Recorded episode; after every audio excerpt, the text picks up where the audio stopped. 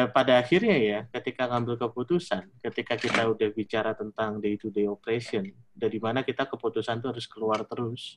Hmm. Pada akhirnya kita lebih bagus pakai insting atau kita pakai lebih bagus pakai data. Listen up, listen up. E-commerce talk. Oke, eh, sekarang sama eh, Muhammad Murtada Ramadan, eh, angkatan 51. Bener ya 51 ya, Kak? Da, eh, Kak lagi, Do. Iya, benar 51. Iya, berarti udah berapa, udah berapa tahun lulus ya? Udah udah hampir 2 tahun nih. Udah hampir 2 tahun. Udah hampir 2 tahun. Eh, sekilas dikit kalau baca LinkedIn, kalau dulu kan sempat jadi ketua Himalcom. Wih. Jadi apa berarti sekarang yang ketua Himalcom yang udah ke wawancara tuh yang yang alumni ya, itu udah ada Arga, Ado, eh, Rizky sama Afif. Jadi udah ada empat nih. Jadi udah Ya. lumayan. Lumayan ya. Eh, kalau Leo kan belum lulus, belum lulus. Iya. Kalau kalau Riza masih masih magang dia di Himalcom. Si Masih. Masih apa? Masih masih belum jadi alumni Himalcom. Oke, eh gimana kabar sekarang? Baik-baik aja. Alham- Alhamdulillah baik. Sehat-sehat. Iya, kayaknya makin makmur nih. Alhamdulillah. Tapi udah Iya. lama gak ketemu ya? Maksudnya kita terakhir ketemu tuh di Max Coffee ya di Iya, di Kementerian. Mesofi. Iya, Kayak empat bulan lalu gitu di awal tahun. Gitu. Iya, sebelum corona pokoknya. Ya, apa waktu itu kita ngomongin corona ya? Kayak enggak sih. Enggak, enggak, enggak. Iya, Kayak itu masih out of topic. Masih off topic waktu itu. Gue baru ngomongin corona juga bulan Maret waktu itu awal-awal. Yang gara-gara nasi kucing segala macem. Oke, eh, ngulas dikit nih tentang Ado. Kan setelah lulus kan dirimu tuh langsung masuk ke Grab ya. Yap. J- Jadi driver. Alhamdulillah. Eh, yang ngurus oh. yang ngurusin driver. yang ngurusin driver. Jadi kalau lihat kan begitu lulus ada City Growth, ada City Lead, ada City Special Project. Yang sekarang megangnya adalah di Grab Express. Nah, eh, kalau lihat juga kan kayak ini kotanya beda-beda ya. Ada Kedari, terus ke Hmm. Pematang Siantar, terus ke Medan, terus sekarang balik lagi ke Jakarta. Yes. Nah, coba gini, eh, bisa diceritain nggak tuh perjalanan dua tahun ini? Karena kan kayak- kayaknya ini panjang banget nih dari dari Sulawesi ke Sumatera Utara, terus balik lagi ke Jakarta. Mungkin bisa diceritain nggak sama Ado? Sebenarnya apa sih yang dikerjain? Kemudian apa namanya perjalanannya seperti apa? Oh, oke oke. Eh, paling eh, simpelnya sebenarnya kan waktu awal gua masuk Grab itu gua masuk di program manajemen trainee. which is kayak ada rotational programnya. Sebenarnya uh, nggak mandatory sih, lo mau rotation apa enggak sebenarnya. Kayak lo bisa propose untuk stay. Tapi karena emang ada rotation programnya dan gue kira, gue rasa kayak gue bakal bisa enrich the experience dari rotasi-rotasi yang cukup intens. Jadi mungkin gue pertama uh, ditempatin di Sulawesi, which is di Kendari, Sulawesi Tenggara Mm-mm. dan di sana gue pegang City Growth. City Growth itu waktu itu gue main tasknya lebih banyak ke partner engagement sama business development. Mm. Partner, partner engagement ini partnernya tuh uh, lebih ke driver, jadi driver engagement. Jadi uh, ngurusin driver gimana, apa kadang ngobrol juga ikut kopdar, ikut kopdar serius, ngopi-ngopi malam, Iya. kayak nanya-nanya, ya kayak gitu, kayak nanya insight, apa sih masalahnya sekarang, nanya, nanya feedback juga. Terus Hmm. sama gue sempat ngurus business development juga. Kan kita punya apa namanya program namanya kayak Grab Benefits gitu. Jadi kita mau Hmm. ngasih benefit lebih ke driver. Jadi kita ada dealing-dealing lah sama merchant-merchant, misalnya kayak cuci motor, cuci mobil. Kita dealing biar diskon khusus driver, driver Grab, kayak gitu. Mm-mm. Oh, Oke. Terus sama satu lagi, satu lagi sih sebenarnya kayak gue pernah sempat ngurusin driver acquisition. Mm. Kayak kita ya rekrutmen driver wah itu itu salah satu unique experience juga bahkan banyak driver-driver yang mau jadi eh calon driver ini yang nggak punya HP Android pas itu Oh iya? Beber- Oh. beberapa iya bahkan dia belum belum belum tahu cara mungkin pakai aplikasi atau gimana dia pakai HP yang lama yang cuma Hmm. SMS sama telepon. Hmm. Dan dia sampai eh, bela-belain beli HP Android karena emang waktu itu kita kan akuisisinya spesial kan spesial project gitu. Jadi cuman apa ada kuotanya.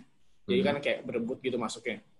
Jadi dia bela-belain beli terus sampai kita ajarin dulu bahkan kita buatin emailnya pas itu kita buatin emailnya Jadi Makanya- supaya akhirnya dia mau daftar gitu ya, bisa daftar. iya bisa daftar Terus.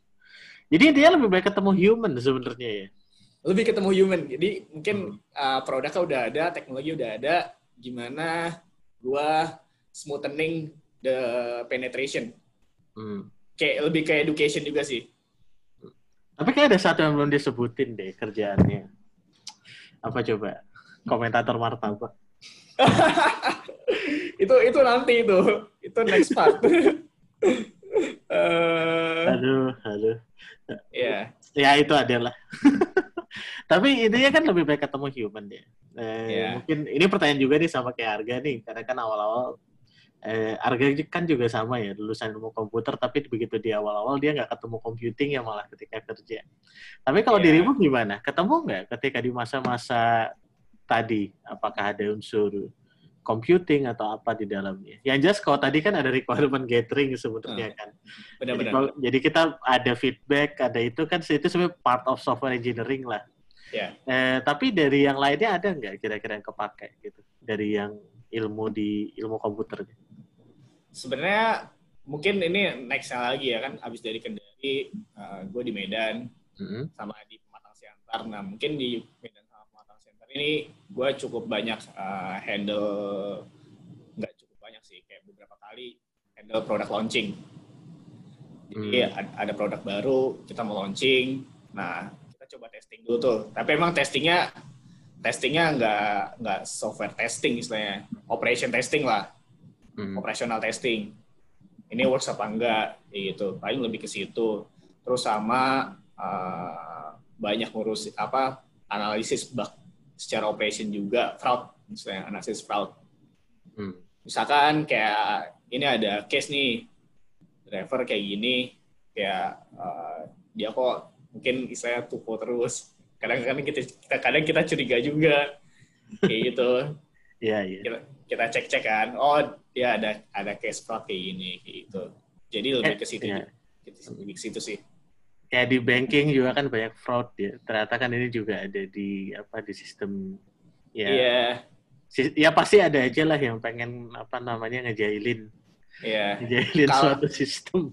kalau di driver tuh nama aplikasinya tuyul gitu pak Oh, ada tuyul ada tuyulnya. Ah, tapi jangan kan itu loh, jangan kan aplikasi apa ojek online ya. Ka eh, PBM aja dia ngejailin. oh. Oh. Ya, saya jadi tahu. Saya tahu itu pak.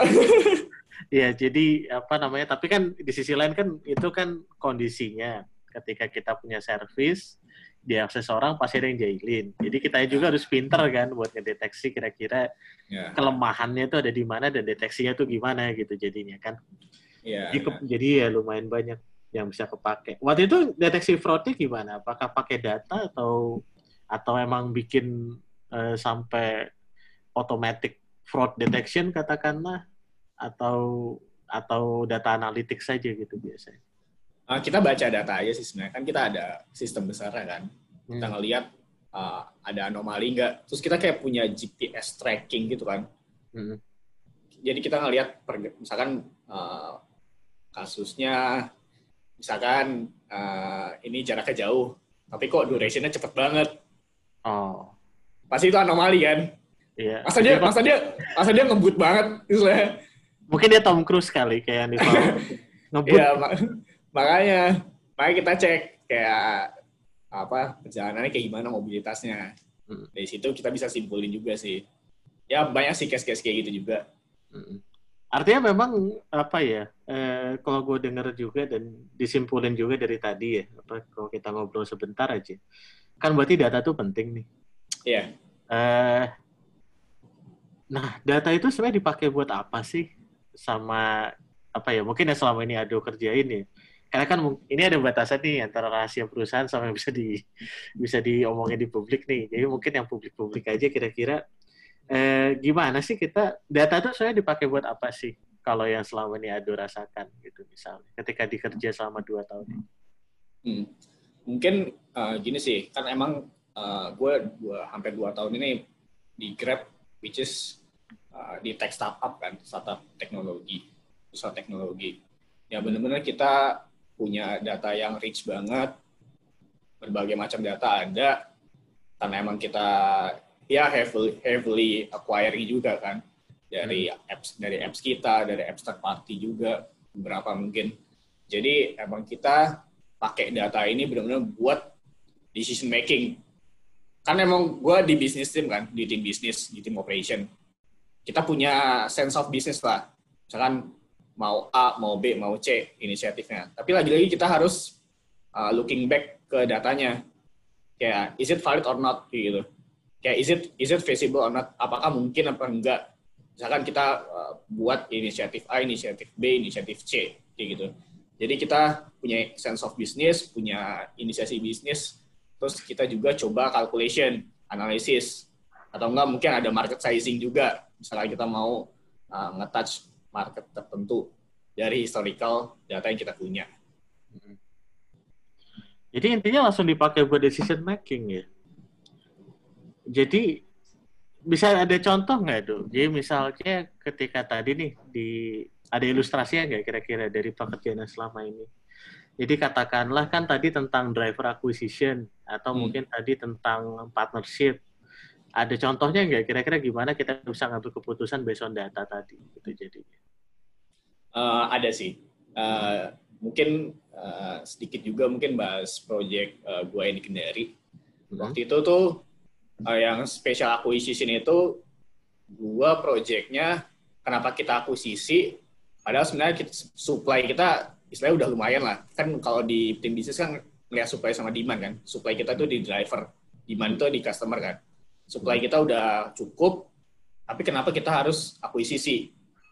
Padahal secara data cukup karena waktu itu kita mau coba akuisisi yang di daerah kampus kenapa di kampus karena secara apa ya secara rate orang uh, driver pickup di sana itu kecil banget. Nah kita lagi-lagi lihat lihat kenapa itu uh, rate pickupnya kecil banget karena banyak preman. Oh. Di situ makanya kita coba deketin premannya. Eh, lu mau join Grab nggak? Kayak gitu. Walaupun emang sebenarnya supply kita aman, kayak biasa data aman, kayak gitu. Tapi lagi-lagi kita coba matching uh, datanya uh, sampai mungkin ya riset yang agak mikro juga sampai ke bawah terus sampai kita validasi di on the ground juga kayak gitu. Hmm. Nah bicara data nih kan namanya data kan harus di collect ya. Nah. Jadi harus mulai dari collecting, kemudian kita ada nyimpen, terus kita olah, kita tampilkan, baru akhirnya kepake di pengambilan keputusan. Itu mungkin udah ada teorinya di sistem informasi ya. Hmm. Eh, tapi mungkin yang gue lebih tertarik itu sebenarnya orang-orangnya. Jadi eh, itu data collectingnya gimana ya? Apakah ada orang sendiri yang mengerjakan itu, kemudian ada orang yang sendiri yang mengerjakan di bagian analitiknya atau gimana kira-kira? Karena kan sering dengar ya ada kayak data engineer gitu misal, hmm. kemudian juga kayak ada data analis atau mungkin ada database. Yep engineer. Nah itu mungkin bisa kita mungkin agak jarang ya bicarain ini di hmm. podcast yang sebelumnya. Huh. Jadi mungkin dan mungkin nggak banyak juga yang pengen ke situ gitu ke database-nya. Tapi mungkin kalau dari Ado bisa ceritain nggak kira-kira uh, people-people-nya siapa aja sih sehingga data tadi bisa kita dapetin sampai bisa kita manfaatkan gitu jadi.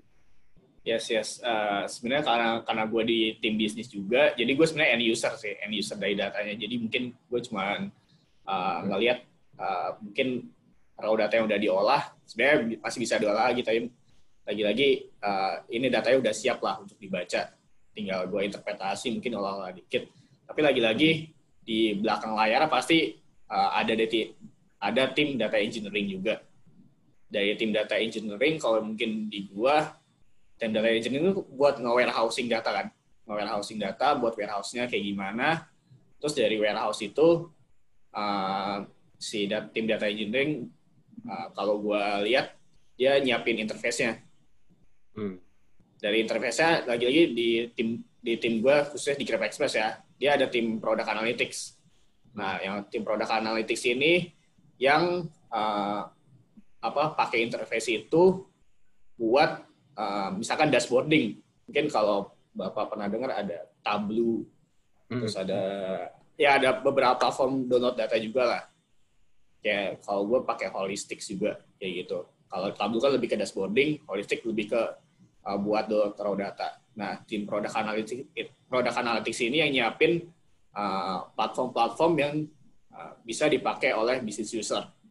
Jadi si business user ini bisa ngeliat nih performance-nya kayak gimana di dashboard dari raw data yang disiapin dari data engineering ke end user. Kayak gitu. Jadi panjang ya ternyata ya dan banyak ya yang terlibat iya. di proses itu ya. Iya panjang. Tapi gini, apa eh, ini mungkin pertanyaan apa ya pribadi sih jadinya dari maksudnya dari diriku pribadi ya. Eh, pada akhirnya ya, ketika ngambil keputusan, ketika kita udah bicara tentang day to day operation, dari mana kita keputusan tuh harus keluar terus. Hmm. Pada akhirnya kita lebih bagus pakai insting atau kita pakai lebih bagus pakai data berdasarkan pengalamannya Ado ya selama ini.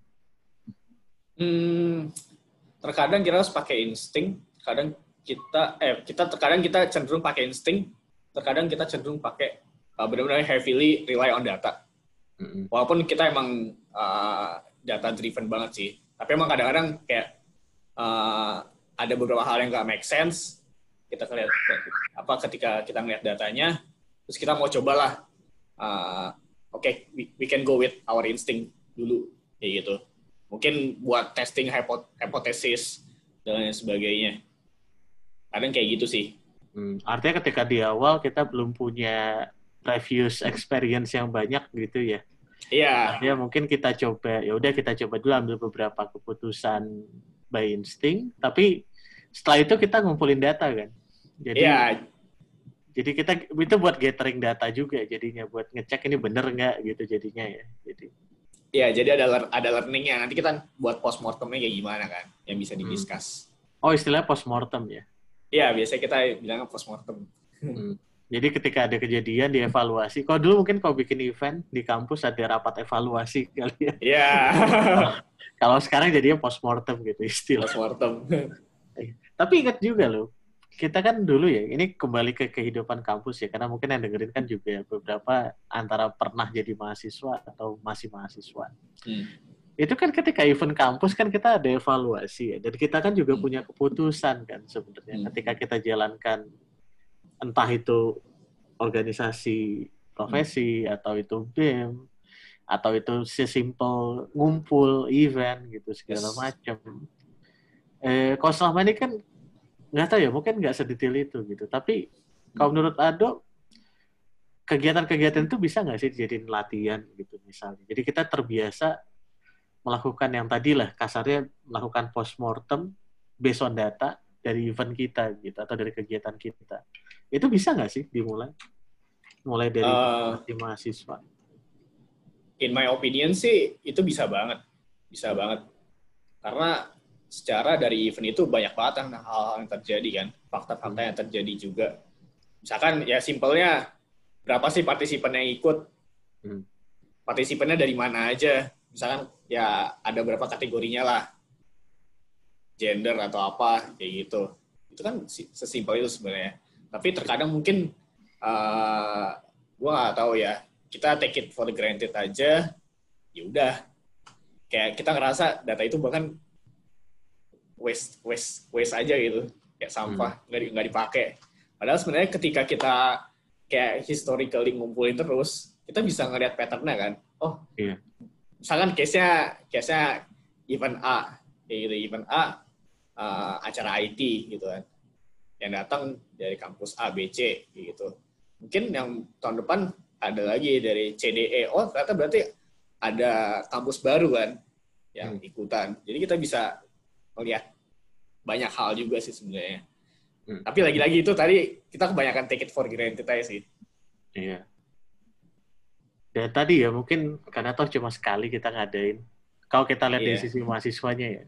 Iya. Yeah. Ya kalau nggak sekali dua kali lah jadi anggota terus jadi kadif gitu kan. Iya. Tapi eh, refleksi dikit deh ketika balik ya. Kan dulu kan dirimu ketua nih di Malcolm Hmm. juga. Hmm. Dan kalau sekarang kan juga udah punya apa namanya udah punya pengalaman cukup banyak ketika ngurus satu kota. Di situ juga ada membernya. Artinya member itu kan dari sisi drivernya ada. Yep. Terus juga ada partnership. Ini kan sebenarnya mirip-mirip ya sama kayak Himalcom lah gitu kasarnya. Iya. Ada anggota, ada pengurusnya atau karyawannya lah kalau di apa di Iya. Grab. Juga kan juga punya sponsor segala macam gitu yang apa namanya yang kira-kira perlu diurus gitu. Iya. Nah, kalau ngelihat balik ke waktu itu ya, kira-kira yang sekarang kepikiran ya, apa sih yang perlu di-track gitu dari Himalcom gitu misalnya? Em, jujur mungkin refleksi juga eh, waktu Himalcom dulu gue kurang nge-track matriksnya juga sih matriks utamanya apa gue bahkan mungkin nge-define secara naratif aja kayak Hmm.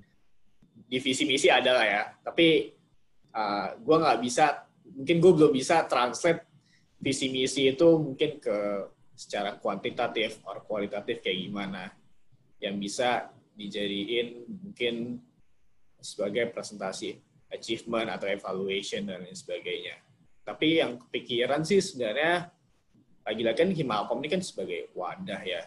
Mungkin simpelnya uh, apakah mungkin kita bisa melihat juga sih apakah si Himalcom Himalcom ini sudah menjadi wadah yang pas. Mungkin matriksnya bisa di-track juga kayak secara participation rate dari uh, apa namanya mahasiswa ilkom di setiap acara.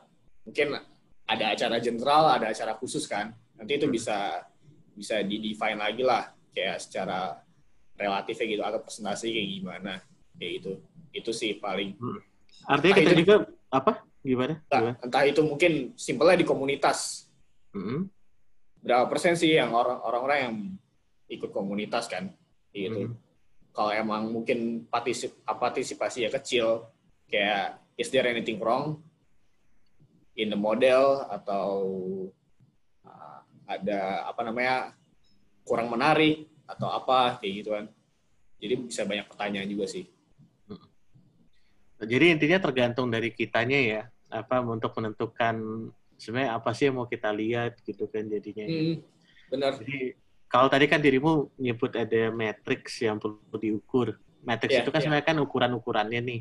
ya Tapi ukuran-ukuran itu kan menandakan apa gitu jadinya. ya. Hmm, Menandakan apa tuh harusnya kan sesuai sama tujuan kita kan. Yap. Jadi kalau tujuan kita tadi engagement, kira-kira engagement tuh jadi matriksnya apa saja, kemudian baru Hmm. dilihat sumber datanya dari mana gitu segala Hmm. macam. Jadi intinya kalau kita pengen bikin eh, sebuah sistem yang dia bisa nunjang keputusan kita secara data driven, kita pun juga perlu ada perancangan sistemnya. benar Eh, tapi mungkin kita nggak ngomong itu sekarang, karena, karena udah 20 menit. Tapi oh gitu eh, nanti mungkin eh, kalau ada apa talks lagi atau apa, mungkin nanti saya pengen minta tolong juga ke Adu buat jelasin tentang itu, gitu kira-kira. oh boleh banget Jadi yang praktikal aja. Jadi tujuannya sih tadi kenapa diarahin ke ke kasus di kampus karena Iya. salah satu harapan saya juga supaya apa pun yang dilakukan di kampus oleh mahasiswa, mahasiswa juga sudah belajar gitu untuk tahu apa sih sebenarnya matriks, kemudian apa sih yang perlu di apa di gather datanya dan bagaimana memanfaatkannya supaya kita bisa ngambil keputusan yang informed gitu jadi. Iya. Tapi ya apa sekarang teaser dulu itu dari pengalaman Ado dan ternyata cukup banyak yang bisa kita terapin ya di mulai dari kampus juga. Yap. Oke, jadi ada yang mau sampaikan buat ini apa mungkin yang masih mahasiswa atau yang yang baru lulus juga yang angkatan 52 Tuh. dari Um, pengalaman pribadi. paling sebenarnya eh, lagi-lagi sih mungkin kalau masalah track metrics sebenarnya di personal kita juga kita bisa banyak eh, acquire data sih mungkin secara self performance kayak gimana dan sebagainya Hmm. jadi kita bisa eval evaluate juga kan apakah kita improve apa enggak apakah kita moving forward apa enggak kayak gitu Mhm. dan dari sana kita bisa validate juga apakah kita mungkin nih lagi-lagi mungkin kan teman-teman juga nanti mungkin yang mahasiswa khususnya mungkin bakal berkarir juga kan. Kayak gitu. Nanti teman-teman juga bisa uh, bisa validasi apakah diri saya nanti relevan ke depannya di karir yang saya mau kayak gitu. Soalnya mungkin di tengah pandemi ini kan ya kita kita lihatlah secara job market kayak gimana. Dan emang tantangannya untuk uh, stay relevant kayak gitu sih. Paling itu pesannya. Ya. Dan kemarin tuh ada buku bagus keluar tuh. Eh, jadi bukunya itu relevan banget sama yang bosan dibilang. Namanya Forever Employable. Ah, jadi yang nulis itu eh, itu penulisnya Lean UX.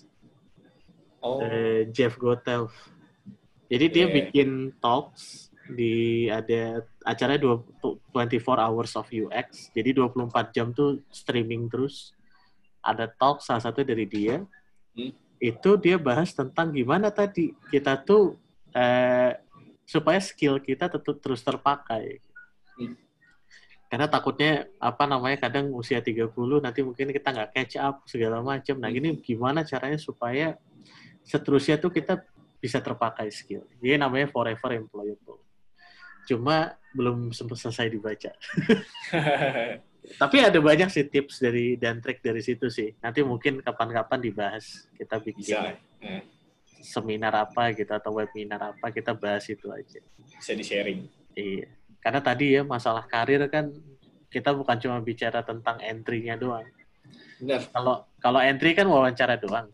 Tapi kan bagaimana supaya begitu udah kerja skill kita itu jadi sesuatu yang unik dan terpakai terus sehingga kita yang dicari nanti. Yap. Jadi tujuannya ke sana. Oke, eh, mungkin itu dulu. Kita udah over jadi 25 menit. Tapi Oke. makasih banyak udah nyempetin waktu padahal kayak sibuk banget. Gak apa-apa. Iya.